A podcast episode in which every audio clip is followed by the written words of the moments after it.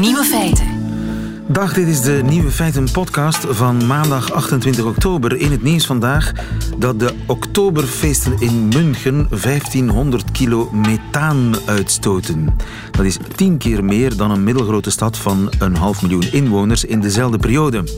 Tijdens de bierfeesten fietsten enkele onderzoekers van de Universiteit van München rond het terrein met sensoren om de methaanlevels te meten. Resultaat 1500 kilo dus. Het merendeel komt van kooktoestellen. Maar ongeveer 10% of toch nog 150 kilo komt rechtstreeks uit de mond of de kont van de feestvierders. Met andere woorden, winden en boertjes. Op de bierfeesten worden elk jaar een kwart miljoen braadworsten verorberd en 7 miljoen liter bier verzet. En dat ruik je achteraf. De andere nieuwe feiten vandaag. Sommige nieuwe diesels stoten even weinig fijn stof uit als een elektrische auto. We weten eindelijk hoe een vlieg op het plafond landt. Frankrijk debatteert over stierengevechten. En uw stoelgang zegt iets over uw mentale gezondheid. De nieuwe feiten van Wim Slabbink hoort u in zijn middagjournaal. Veel plezier. Radio 1. Nieuwe feiten. Sommige nieuwe dieselauto's zijn even proper als een elektrische wagen, blijkt uit onderzoek van Testaankoop. Simon November, goedemiddag. Goedemiddag. Je bent woordvoerder van Testaankoop. Even proper, dan hebben we het toch over fijn stof. Ja, dus er, er zijn een aantal. CO2-uitstoot. Nee, nee, we hebben, het, we hebben het wel degelijk over luchtvervuiling. Dus in onze test gaan we kijken naar twee zaken: luchtvervuiling op basis van stikstofoxide, koolstof, fijnstof en onverbrande koolwaterstoffen. En we kijken ook naar energieefficiëntie. Dat is eigenlijk de capaciteit om de energiebron om te zetten uh, in beweging. Dan zien we effectief dat er een aantal dieselmotoren zijn die zeer hoge scores krijgen naar luchtvervuiling toe. Uh, en met het model van Mercedes bijvoorbeeld, een C-klasse, krijgt bij ons uh, eh, 10 op 10 omdat hij zo sterk onder de norm zit uh, wat die luchtvervuilende stoffen betreft. En dan vooral ook NOx. Dat is eigenlijk de stof waar heel het dieselschandaal destijds mee is uh, uitgebroken. Maar buiten beschouwing gelaten CO2-uitstoot. Wel, die hebben we in dit artikel niet opgenomen, maar als we daar naar gaan kijken, dan zien we eigenlijk dat, dat, ze, dat de constructeurs nog altijd in hetzelfde bedje ziek blijven van vroeger.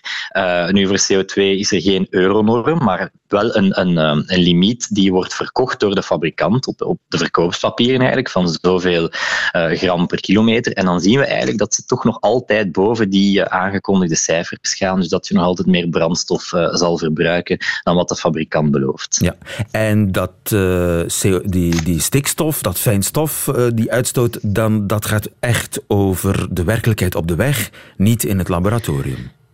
Dat zijn twee, twee zaken die we doen. We doen een uh, test in het labo en we testen op de weg. En we zien daar bijvoorbeeld um, dat, er, uh, dat er constructeurs zijn die nu een normaal van 30 milligram um, per kilometer uh, NOx, waar dat de norm voor 2020 80 milligram is. Dat ze nu eigenlijk al voorop lopen op de norm voor 2020. Dat is een enorme verbetering dan, dan vroeger, als we het vergelijken, gaan vergelijken met voor het Dieselgate-schandaal. Dus kunnen eigenlijk gaan zeggen dat de aankondiging van volk Volkswagen in 2015 dat ze Schumel-software gebruikt hebben, dat dat toch de constructeurs in gang heeft gezet om properder wagens te gaan produceren. En we kunnen niet anders dan concluderen van ze moeten het al veel eerder gekund hebben, ze hebben het gewoon niet gedaan, er was Dieselgate voor nodig. Het is te miraculeus, die verbetering, want ik las ergens een cijfer van 98 procent. 98 procent minder fijn stof. Ja, klopt. Ja. Nu, bij een aantal Bijna, inderdaad. Dus het kan niet, uh, dat, kan, dat kan niet zomaar een ingeving zijn. Hè. Dat moet technologie zijn dat al lang uh, in de schuif lag, bij wijze van spreken. En het, het had een schandaal nodig om het toch maar te gaan gebruiken. Al moet ik wel zeggen, niet alle modellen halen die uitstekende uh, scoren wat NOx betreft. Er zijn er die het nog altijd wel, wel minder goed doen. Maar we zien ook dat er benzinewagens zijn. Bijvoorbeeld, er was een Ford Fiesta en een Fiat Panda in onze test. Die hebben we respectievelijk 1,1 op 10 en 0 op 10 gegeven naar fijn stof toe. Dat waren benzinemotoren, maar die uh, scoren dus ook slecht wat dat betreft. Ja, dus het hangt heel erg van de auto af. Nu, Klopt, ja. stel, ik, ik wil een nieuwe auto kopen en ik eh, wil het eh, milieu eh, sparen, maar ook natuurlijk de opwarming van de aarde zo beperkt mogelijk houden. Ja, dan Mhm. moet ik toch naar een elektrische auto. Nee? Ja, het is natuurlijk de vraag van 1 miljoen eh, tegenwoordig. Eh, onze conclusie was vooral. Er zijn dieselmodellen die nog toekomst hebben, omdat de NOx-uitstoot zo laag ligt. En dan denken we vooral aan mensen die daar lange afstanden mee doen. Want je moet eigenlijk al minstens een half uur rijden om de katalysatoren optimaal te laten werken. Aha. Benzine, Dus benzinewagens daarentegen... korte ritjes in, in de stad bijvoorbeeld, dan, dan eh, werken die filters nog niet zo goed. Dus dan, Dan er werken wel die nog niet, wel fijnstofuitstoot. Ja, ja, absoluut. Hè. Eh, dus daar zal bijvoorbeeld elektrisch eh, beter zijn, al moeten we daar de nuance bij, pla- bij plaatsen van hoe wordt die elektriciteit dan opgewekt. Ehm, is dat met hernieuwbare energie, is dat al limiet met kernenergie, dan zal die CO2-afdruk zeer beperkt zijn. Maar zal dat op gas eh, zijn bijvoorbeeld, dat die elektriciteit wordt gewonnen, dan heb je, heb je een heel ander verhaal. Benzinewagens dan, die stoten dan weer 10 tot 40 procent meer CO2 uit dan hun dieselconcurrenten, maar stoten dan het algemeen wel weer minder NOx uit. Dus er valt geen Je pasklaar moet antwoord te geven. Een, een, een jarenlange studie maken voor je een auto gaat kopen op die manier. Ja, het is, het is zeer moeilijk om mensen daarin te adviseren. Het hangt eigenlijk af van uw, uw persoonlijk eh, gebruik van de wagen. Eh, zijn het lange afstanden, zijn het korte afstanden? Woon je in de stad, woon je erbuiten, woon je in een lage emissiezone, woon je er niet? Ehm, het En is dus ook zo voor, dat voor de langere afstand zou jij voor die superpropere diesel gaan. Wel, het is nog altijd beter om niet met de auto te gaan en de trein te nemen of de, de fiets. Eh, maar we hebben alleen willen aantonen dat sommige nieuwe dieselmodellen eh, zuinig zijn naar, naar luchtvervuiling toe. Dus best nog wel goede resultaten geven. Al testen we nog niet op alle eh, vervuilende stoffen. Methaan bijvoorbeeld is nog niet in de test opgenomen. En de bedoeling is ook dat onze testen verder gaan evolueren. Dat we bijvoorbeeld heel de levenscyclus van een auto gaan meenemen. En dus ook dat is belangrijk voor elektrische wagens. Waar gaan die batterijen worden eh, Juist, gewonnen?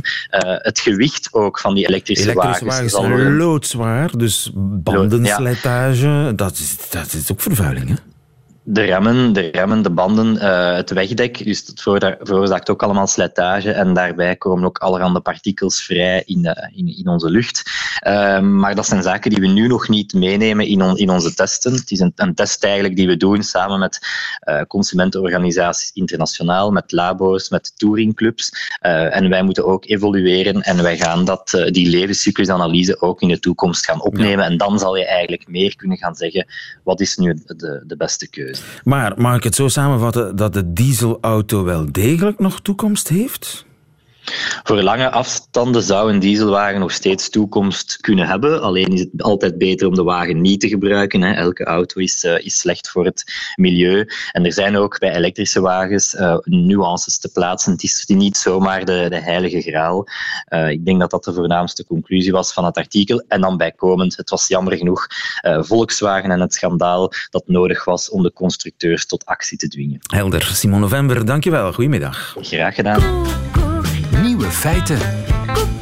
Coucou de France. Met Alex Visorek. Het is bitter koud, maar toch al een beetje warmer. En dat komt natuurlijk door mijn collega, landgenoot en eh, man bij Radio France, Alex Visorek. Goedemiddag. Goedemiddag, lieven. En als je koud hebt, dan gaan we samen naar het zuiden van Frankrijk. zalig. Want we zullen het hebben over een sport die de tongen losmaakt. Het stiergevecht. Aha. Of in het Frans La corrida. Zelfs heb ik ook ooit een stiergevecht in Sevilla gezien. Eigenlijk was ik daar vooral om een flamenco-show eh, te kunnen zien. Maar flamenco is iets helemaal anders, want aan het einde van de show wordt de danseres niet gedood. Maar ook in Frankrijk is het een traditie. Enfin, vooral in het zuiden van Frankrijk. Belgen die in Provence op vakantie gaan, hebben zeker al een paar arena's gezien. Want Frankrijk heeft een bijzonder mening over stiergevechten. Het is officieel verboden, behalve in de regio's waar het een traditie is.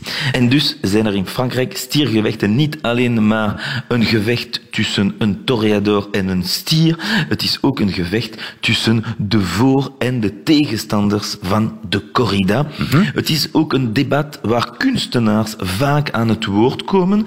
Bijvoorbeeld door een liedje, heel bekend, van Francis Cabrel, La Corrida uit 94, waarin Cabrel de gedachten van de stier laat horen. Depuis le temps que je patiente dans cette chambre noire, j'entends qu'on s'amuse et qu'on chante au bout du couloir. Ik zit hier maar eh, te wachten in een donkere kamer en hoor de mensen zich amuseren en zingen aan het einde van de gang. Ja, dat is natuurlijk een anti-corrida liedje. In het refrein vraagt de stier zich af, est-ce que ce monde est sérieux? Is onze wereld serieus? Sommige bekende namen komen vaak betogen tegen corrida, zoals dierenbeschermer en actrice Brigitte Bardot, en soms ook buitenlandse sterren. Il y avait tout à l'heure un visage connu à la mairie de Nîmes. Pamela Anderson, soutien du combat mené par l'Alliance anti-corrida. Pamela Anderson, haarzelf. Pamela Anderson, ja. Maar eh, sinds begin oktober werkt de regering aan een nieuwe wet. Een verbod voor stierengevechten voor kinderen. Het is eh, een wet tegen stierengevecht, maar niet op basis van dierenwelzijn, maar van kinderbescherming. Het blijft mogelijk om stieren te doden, zolang dat er geen kind in het publiek zit. Misschien vrezen ze dat kinderen zelfs corrida willen doen, eh, dat ze oefenen met een paar tandenstokers en een hond. Eh, Ik geef een tip aan die jongeren. Het is gemakkelijker met een tekel. En dat is een lange hond. Het is eenvoudiger om hem niet te missen. Maar eh, deze wet is inspireerde vooral een vrije tribune in de pers. Een vrije tribune die ondertekend is door meerdere grote namen, acteurs, auteurs, presentators, met het bericht stierengevecht is geen slagerij, maar het is kunst. En kunst kun je toch niet weghouden van kinderen. L'enfant comme l'adolescent est doué d'intelligence, apte à l'émotion, sensible à l'héroïsme, disponible à la beauté, à la culture et à l'art. De kinderen mag en moet kunst zien. En wat leuk is aan zo'n debat, is dat alle bekende Fransen een mening daarover hebben en die willen het delen. Hier is Eric Dupont-Moretti, een bekende advocaat, die de tribune mee ondertekende. Moi, je pense qu'il y a ce qu'on appelle l'autorité parentale, et les parents ont le droit de transmettre à leurs enfants les valeurs qui sont les leurs. La corrida, a inspiré Goya, Picasso, Hemingway et tant d'autres. Ja, ouders mogen hun waarden aan hun kinderen doorgeven en de corrida heeft Picasso en Hemingway geïnspireerd. Ga daar maar eens aan staan. Ja, en, want dat is kunst. Maar hier is een andere actrice die niet akkoord gaat. L'art se décline dans beaucoup de choses, mais pas à partir du moment où il y a un meurtre, parce que c'est un meurtre. Pas à partir du moment où il y a une torture, parce que c'est une torture. Ja, kunst houdt op waar Misdaad. een eh, moord begint. Ja, dat zei ze, misdaad, marteling. Eh, maar op welke manier zijn stierengevechten nu juist kunst? Wel, laten we de mening vragen van Mathieu Delormeau. Dat is gewoon een gast die zijn mening geeft in een populaire talkshow, gewoon omdat hij bekend is. c'est la mort. C'est pour ça que c'est toujours séparé en deux une corrida. Il y a l'ombre et le soleil. L'ombre, c'est la mort, c'est le noir. Et puis le, le torero qui est toujours avec des lumières, c'est la vie. Il représente la vie et le taureau la mort. Eh bien, c'est toujours un combat entre la mort et la vie. Il y a toute une symbolique derrière. Oeh la het is een symboliek, Voilà. een symbolisch gevecht tussen leven en dood. Het werd vooral een gevecht tussen twitteraars en Mathieu Delormeau na deze uitspraak.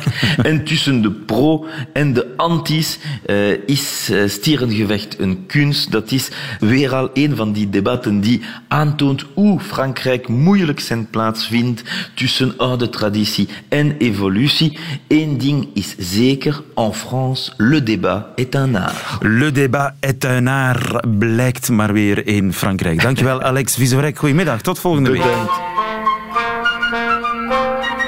Radio 1. Nieuwe feiten. Jarenlang speelde zich een wetenschappelijk mysterie af voor uw neus. En dat mysterie dat is eindelijk ontrafeld. Want hoe landt een vlieg op het plafond? Goedemiddag Dirk van Dijk. Goedemiddag, lieve. Je bent fysicus aan de Universiteit van Antwerpen. Wetenschappelijk onderzocht nu de procedure van een bromvlieg op het plafond. Ik had er eerlijk gezegd nooit bij stilgestaan. Maar inderdaad, hoe landt een vlieg op het plafond? Dat lijkt me niet zo simpel. Nee, absoluut niet. En het is een van de moeilijkste en minst gekende manoeuvres hè, in de dierenwereld. En trouwens, hier zijn weer de wetten van de fysica die spelen, dus eigenlijk is het een, een goede insteek. Uh, wat, er, wel, wat, wat men zich niet kon inbeelden was dus normaal een vlieg, en die vleugels zijn geschikt om, laten we zeggen, te stijgen. Hè. Een vlieg kan, kan eigenlijk niet ondersteboven vliegen. En als je dan op het plafond wilt landen, moet je een tijdje ondersteboven vliegen. Dus ze hebben dan een camera gebruikt, ze hebben, de, ze hebben een roodbaard, gebruikt, maar, maar het principe is bij veel vliegen actief en ook bij andere uh, kleine diersoorten. En een camera die tot minstens duizend beelden per seconde kan opnemen. En dan zien ze dat, die, dat, die, die, dat landen op plafond bestaat uit vier, vier stappen. Ten eerste, die vlieg versnelt naar boven toe. Ze, ze stijgt met hogere snelheid. Ja, een aanloopje eigenlijk, een soort van een aanloop. inderdaad. Echt een aanloop om tenminste tot het plafond te geraken. En dan, als ze heel dicht plafond genaderd is, moet ze onmiddellijk omkeren. Dus ze moet haar lichaam omkeren om de poten op het plafond te kunnen kleven. En is dat een schroefbeweging? Ja, dat is een soort schroef. Ik leg het eventjes uit. En op het plafond kunnen die pootjes kleven, zoals bij een gecko. Dat is nanotechnologie van la lettre. Dat is zelfs toch elektrostatische krachten. En zodra ze op het plafond kleeft, kan ze natuurlijk de rest van haar lichaam in plooi brengen. Nu, dat snel omdraaien, dat is zoals een kat op haar poten valt. Ik weet niet dat je die vraag al eens gekregen hebt. Als je een filmpje neemt van een kat die bijvoorbeeld van vijf meter hoog valt, Zodra je valt, kun je je lichaam niet meer omdraaien. Je kunt niet draaien. Dat zegt in de fysica is de wet van draaimoment, bouwt een draaimoment. Je kunt iets dat niet aan het draaien is, wel aan het draaien brengen terwijl het vrij valt. Wat doet een kat? Die heeft een zeer lenig middel. En die kan haar achterste, haar achterste naar de ene kant draaien en automatisch gaat de voorkant naar de andere kant draaien. Zodanig dat het heel lichaam gemiddeld toch niet draait. Dus een kat kan dus voorkant ten opzichte van dat kan bijna over 180 graden draaien. Dus ze doet dat tijdens de val en dan draait ze haar achterkant naar de ene, de zijde, zodat de voorpoten naar de andere kant komen en dat ze die kan richten naar de grond. Op die manier valt ze op de grond. Maar natuurlijk, dat achtersteven moet nog terugkeren. Dus op het moment dat ze op de grond staat, heeft ze tijd om het achtersteven te keren en dan valt ze gewoon plat op haar buik om de slag op te vangen. Dat gebeurt hier eigenlijk ook bij die vliegen. De auteurs zelf hebben het zo niet gezien. Maar het is zo, ze, op het moment dat de, de vlieg de plafond nadert, en ze heeft een aantal zintuigen om dat te doen, die enorm snel reageren, zoals een beetje gelijk reflexen, hè. dat is niet een denkproces, dat is gewoon een reflex, dan uh, ze keert de poten naar de ene kant, haar lichaam, dat zwaarder is, iets naar de andere kant, zodat in totaal de, beweging, de rotatie neutraal is. En zodra haar voetpoten dan op plafond kleven, kleven, heeft ze tijd en kracht om de rest van het lichaam ook in die, in die stand te brengen. Ah ja, dus ze, ze landt op haar voorpoten Juist. En dan pas draait haar achterlijf. Zo is het. Althans, nog een stuk. Hè. Dus ze heeft het achterlijf van een stuk. Het draait haar achterlijf. Ja, het eerste heeft het achterlijf een beetje naar de andere kant moeten draaien om haar voorpoot de goede kant te krijgen. En dan trekt ze haar achterlijf bij. En dat, gebeurt allemaal, ah, dat gebeurt allemaal in 1 twintigste van een seconde. Hè, waarbij ze nog met haar vleugel fladdert. Maar dan is het eerder om haar evenwicht te houden.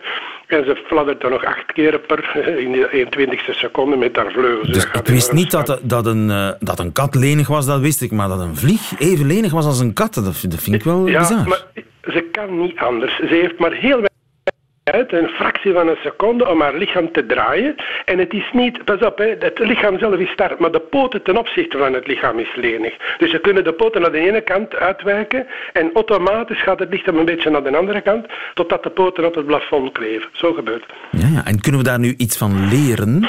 Wel, eerst, uh, ik verwacht altijd die vraag. Ja. Uh, ja. Ten eerste, men probeert dat te begrijpen. Hè. Men, dat, dat leert, is bij over mechanica van kleine voorwerpjes, want het is trouwens Depart Mechanica in, uh, in Penn State University in Amerika die dat onderzocht hebben. Maar men, men kon ook aan Galvani vragen toen hij een kikkerpoot zag bewegen, waarom, waarom doet je dat? En hij kon toen ook niet zeggen dat is de, de elektriciteit. Dus elektriciteit is ook ontdekt door het kijken naar dieren en beweging van poten.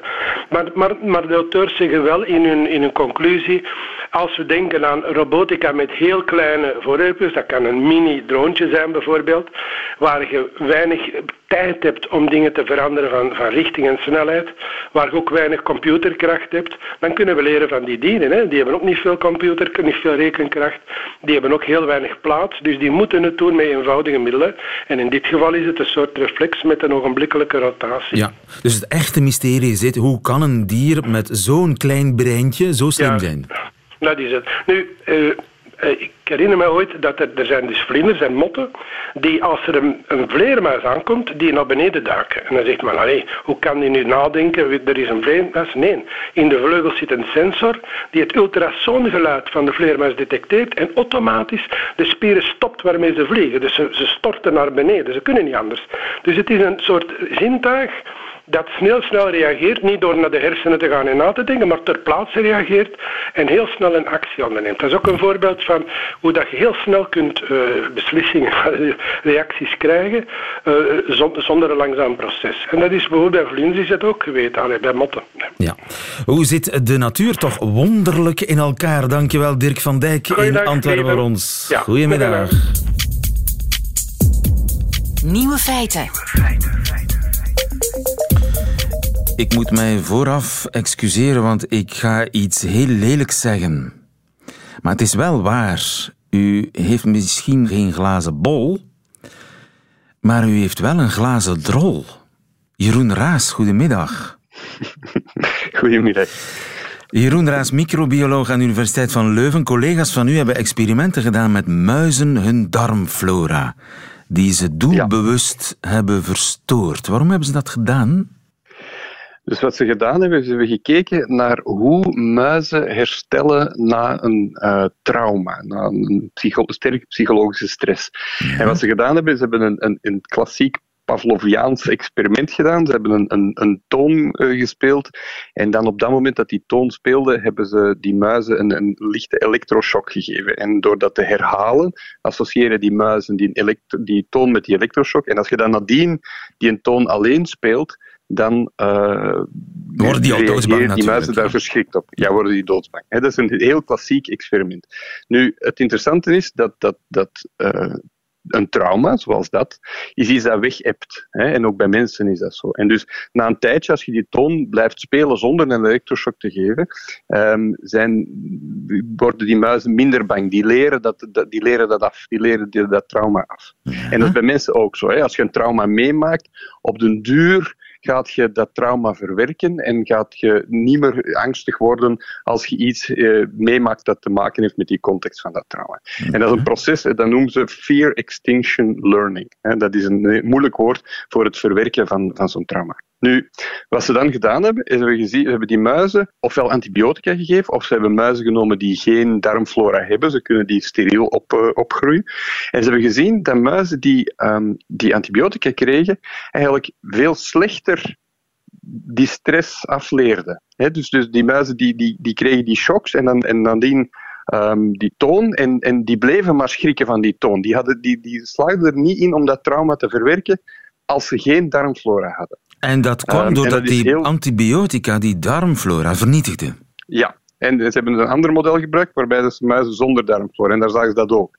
Dus, dus, dus om een, dit experiment toont eigenlijk aan dat de darmflora op een of andere manier belangrijk was voor het overkomen van, die van dat trauma van, van, van, dat, van die elektroshocks. Dus je darmflora helpt je mentale weerstand? Ja. Je mentale veerkracht, als het ware? Toch tenminste, toch tenminste in, in, in, in, in, dit muisexperiment.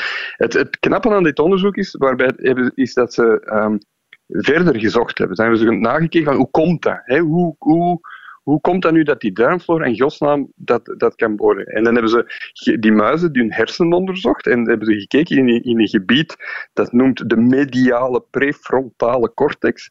Dat is het, het gebied in uw hersenen dat dient voor eigenlijk het dempen van emoties. En, en, en, en ze hebben gezien dat, dat daar een probleem zat in, in hoe dat die zenuwen die daar zaten werkten.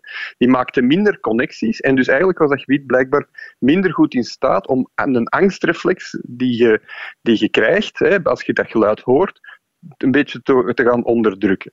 Dus, het, dus er was inderdaad dus een structureel probleem dat die, dat die, dat die, dat die hersenen minder goed werkten als die, bacte- als, die, als die bacteriën uitgeroeid waren geweest geworden. En die Ehm, bacteriën, zijn, is dat een soort brandstof voor dat specifieke gebied in de hersenen? Nee, dus wat, wat, dat ze, wat dat ze vermoeden in deze studie, ze hebben ook wat, wat testen gedaan, en dat heeft, is ook gelijkaardig aan onderzoek dat wij gedaan hebben, is dat, dat bacteriën in de darm zijn in staat om, om chemische stofjes te maken die kunnen inwerken op onze hersenen. Dat, wij hebben dat ook aangetoond in, in, in, het gebied van depressie. En hier hebben ze ook vier chemische stofjes ontdekt die in die verstoorde darmflora eigenlijk minder aangemaakt werden, of meer aangemaakt werden. Ik laat het even in het midden. Dus Nu, je, het- darmen ehm, fungeren eigenlijk als een soort van fabriek, chemische fabriek, die producten moet maken waarop je hersenen draaien en bepaalde delen in je Eh, op hersenen reageren. op Ja, op reageren. Ja. En, en, maar het, het ding is, hetgeen, de, de, dat is het enige wat, dat, wat dat eigenlijk nog ontbreekt in deze studie, maar ze kunnen natuurlijk niet alles doen. Het enige wat ze nog, nu nog niet gedaan hebben, en dat moeten ze in de toekomst gaan doen, is, is aantonen dat die stofjes die ze zien veranderen met die, met die verstoorde darmflora, of dat die stofjes echt precies verantwoordelijk zijn voor de, eh, de verandering in hersenactiviteit die meten. Dat laatste experiment hebben ze nog niet gedaan. we weten nog maar lang hebben toch al een alles. aantal delen. Nee, maar dat is, ja, dat is in veel, veel gebieden zo. Dus, het- de- maar maar het, het interessante is wel dat ze, dat ze toch al een, een, een, voor de allereerste keer echt een, een, een mechanisme aangeven hoe dat de darmflora gedrag echt kan beïnvloeden. En dat is, dat is zeer, zeer interessant. Ja, dus je stoelgang zegt iets over je brein. De stoelgang zegt iets over uw darmflora en uw darmflora heeft duidelijk een effect op uw brein. Indirect dus. Eh, en we hebben dan wel geen glazen bol, maar misschien een glazen drol. Wel, als ik dat iets eh, anders mag formuleren, ik denk inderdaad dat in de toekomst wij aan de hand van darmflora-onderzoek eh, diagnoses of prognoses gaan kunnen stellen in verband met mentale aandoeningen. Zeer bijzonder. Dankjewel, Jeroen Raas. Goedemiddag. Graag gedaan. Dat waren de nieuwe feiten van 28 oktober. Alleen nog het middagjournaal krijgt u van mij. En dat is deze week in handen van Wim Slabbink, de seksuoloog. Nieuwe feiten. Middagjournaal. Beste luisteraar, we zitten met een linguïstisch probleem. Mijn sympathieke Nederlandse collega, seksuologe Ellen Laan wees me recent op een jammere zaak in ons taalgebruik. Onze enge definitie van de eerste keer is allesbehalve inclusief. Lesbische vrouwen hebben nu, samen met sommige homoseksuele mannen trouwens, geen eerste keer, want zij penetreren niet noodzakelijk. Ellen vroeg me dan ook of we de eerste keer niet beter als klaarkomen met een partner zouden omschrijven. Wel, mij leek dat best een goed idee, Ellen, maar dan heb ik wel een groot probleem. Ik kan mezelf niet meer herinneren wanneer ik de eerste keer de kleine dood beleefde met een partner. Waarschijnlijk was het een heel fijn moment, lieve luisteraar, maar omdat we het blijkbaar maatschappelijk gezien relevanter vinden wanneer een penis in een vagina schuift en dat de eerste keer uitmaakt, is het mij wellicht niet bijgebleven. De eerste keer penetratie daarentegen, de daad, dat weet ik wel toch. Het was op een zwoele namiddag in Centerparks. De horst stond in het raam, wat achteraf gezien een mindere keuze bleek. De buren hadden hun barbecue en het park had duidelijk bespaard op isolatie. En net zoals elke jonge mannenmaagd dacht ik dat er nu echt iets speciaals zou gebeuren tijdens die eerste keer. Maar was dat even anders? Het enige wat door mijn hoofd ging was: is het dat maar? Horen de buren ons? Waarom maken we er eigenlijk zo'n ding van? Je hoort het goed. Mijn eerste maal horizontaal was geen schot in de roos. Mijn eerste keer fietsen zonder wieltjes was trouwens ook al niet zo'n succes. Ik had het misschien moeten weten, dat oefening kunst waard. Maar goed, als ik terugdenk aan mijn eerste keer, denk ik automatisch, net zoals jullie, aan die eerste keer met penetratie. Maar dat wil niet zeggen dat alle voorgaande ervaringen maar niets betekenden. Integendeel, ik vond ze zelf veel leuker dan voor het eerst penetreren. Dus nee, beste Ellen, nee. Voor mij is de eerste keer niet die keer met penetratie, maar het is ook niet die keer met orgasme.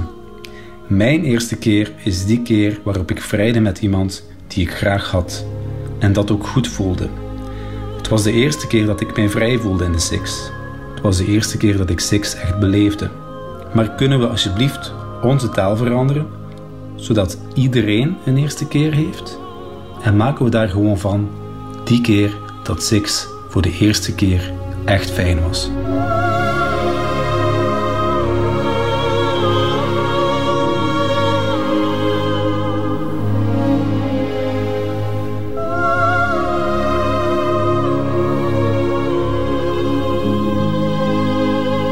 Wim Slabbink, de seksuoloog, in het Middagjournaal. Einde van deze podcast. Hoort u liever de volledige uitzending met de muziek erbij? Dan kunt u terecht op onze app of op onze site, waar u nog veel meer podcasts vindt. Tot volgende keer.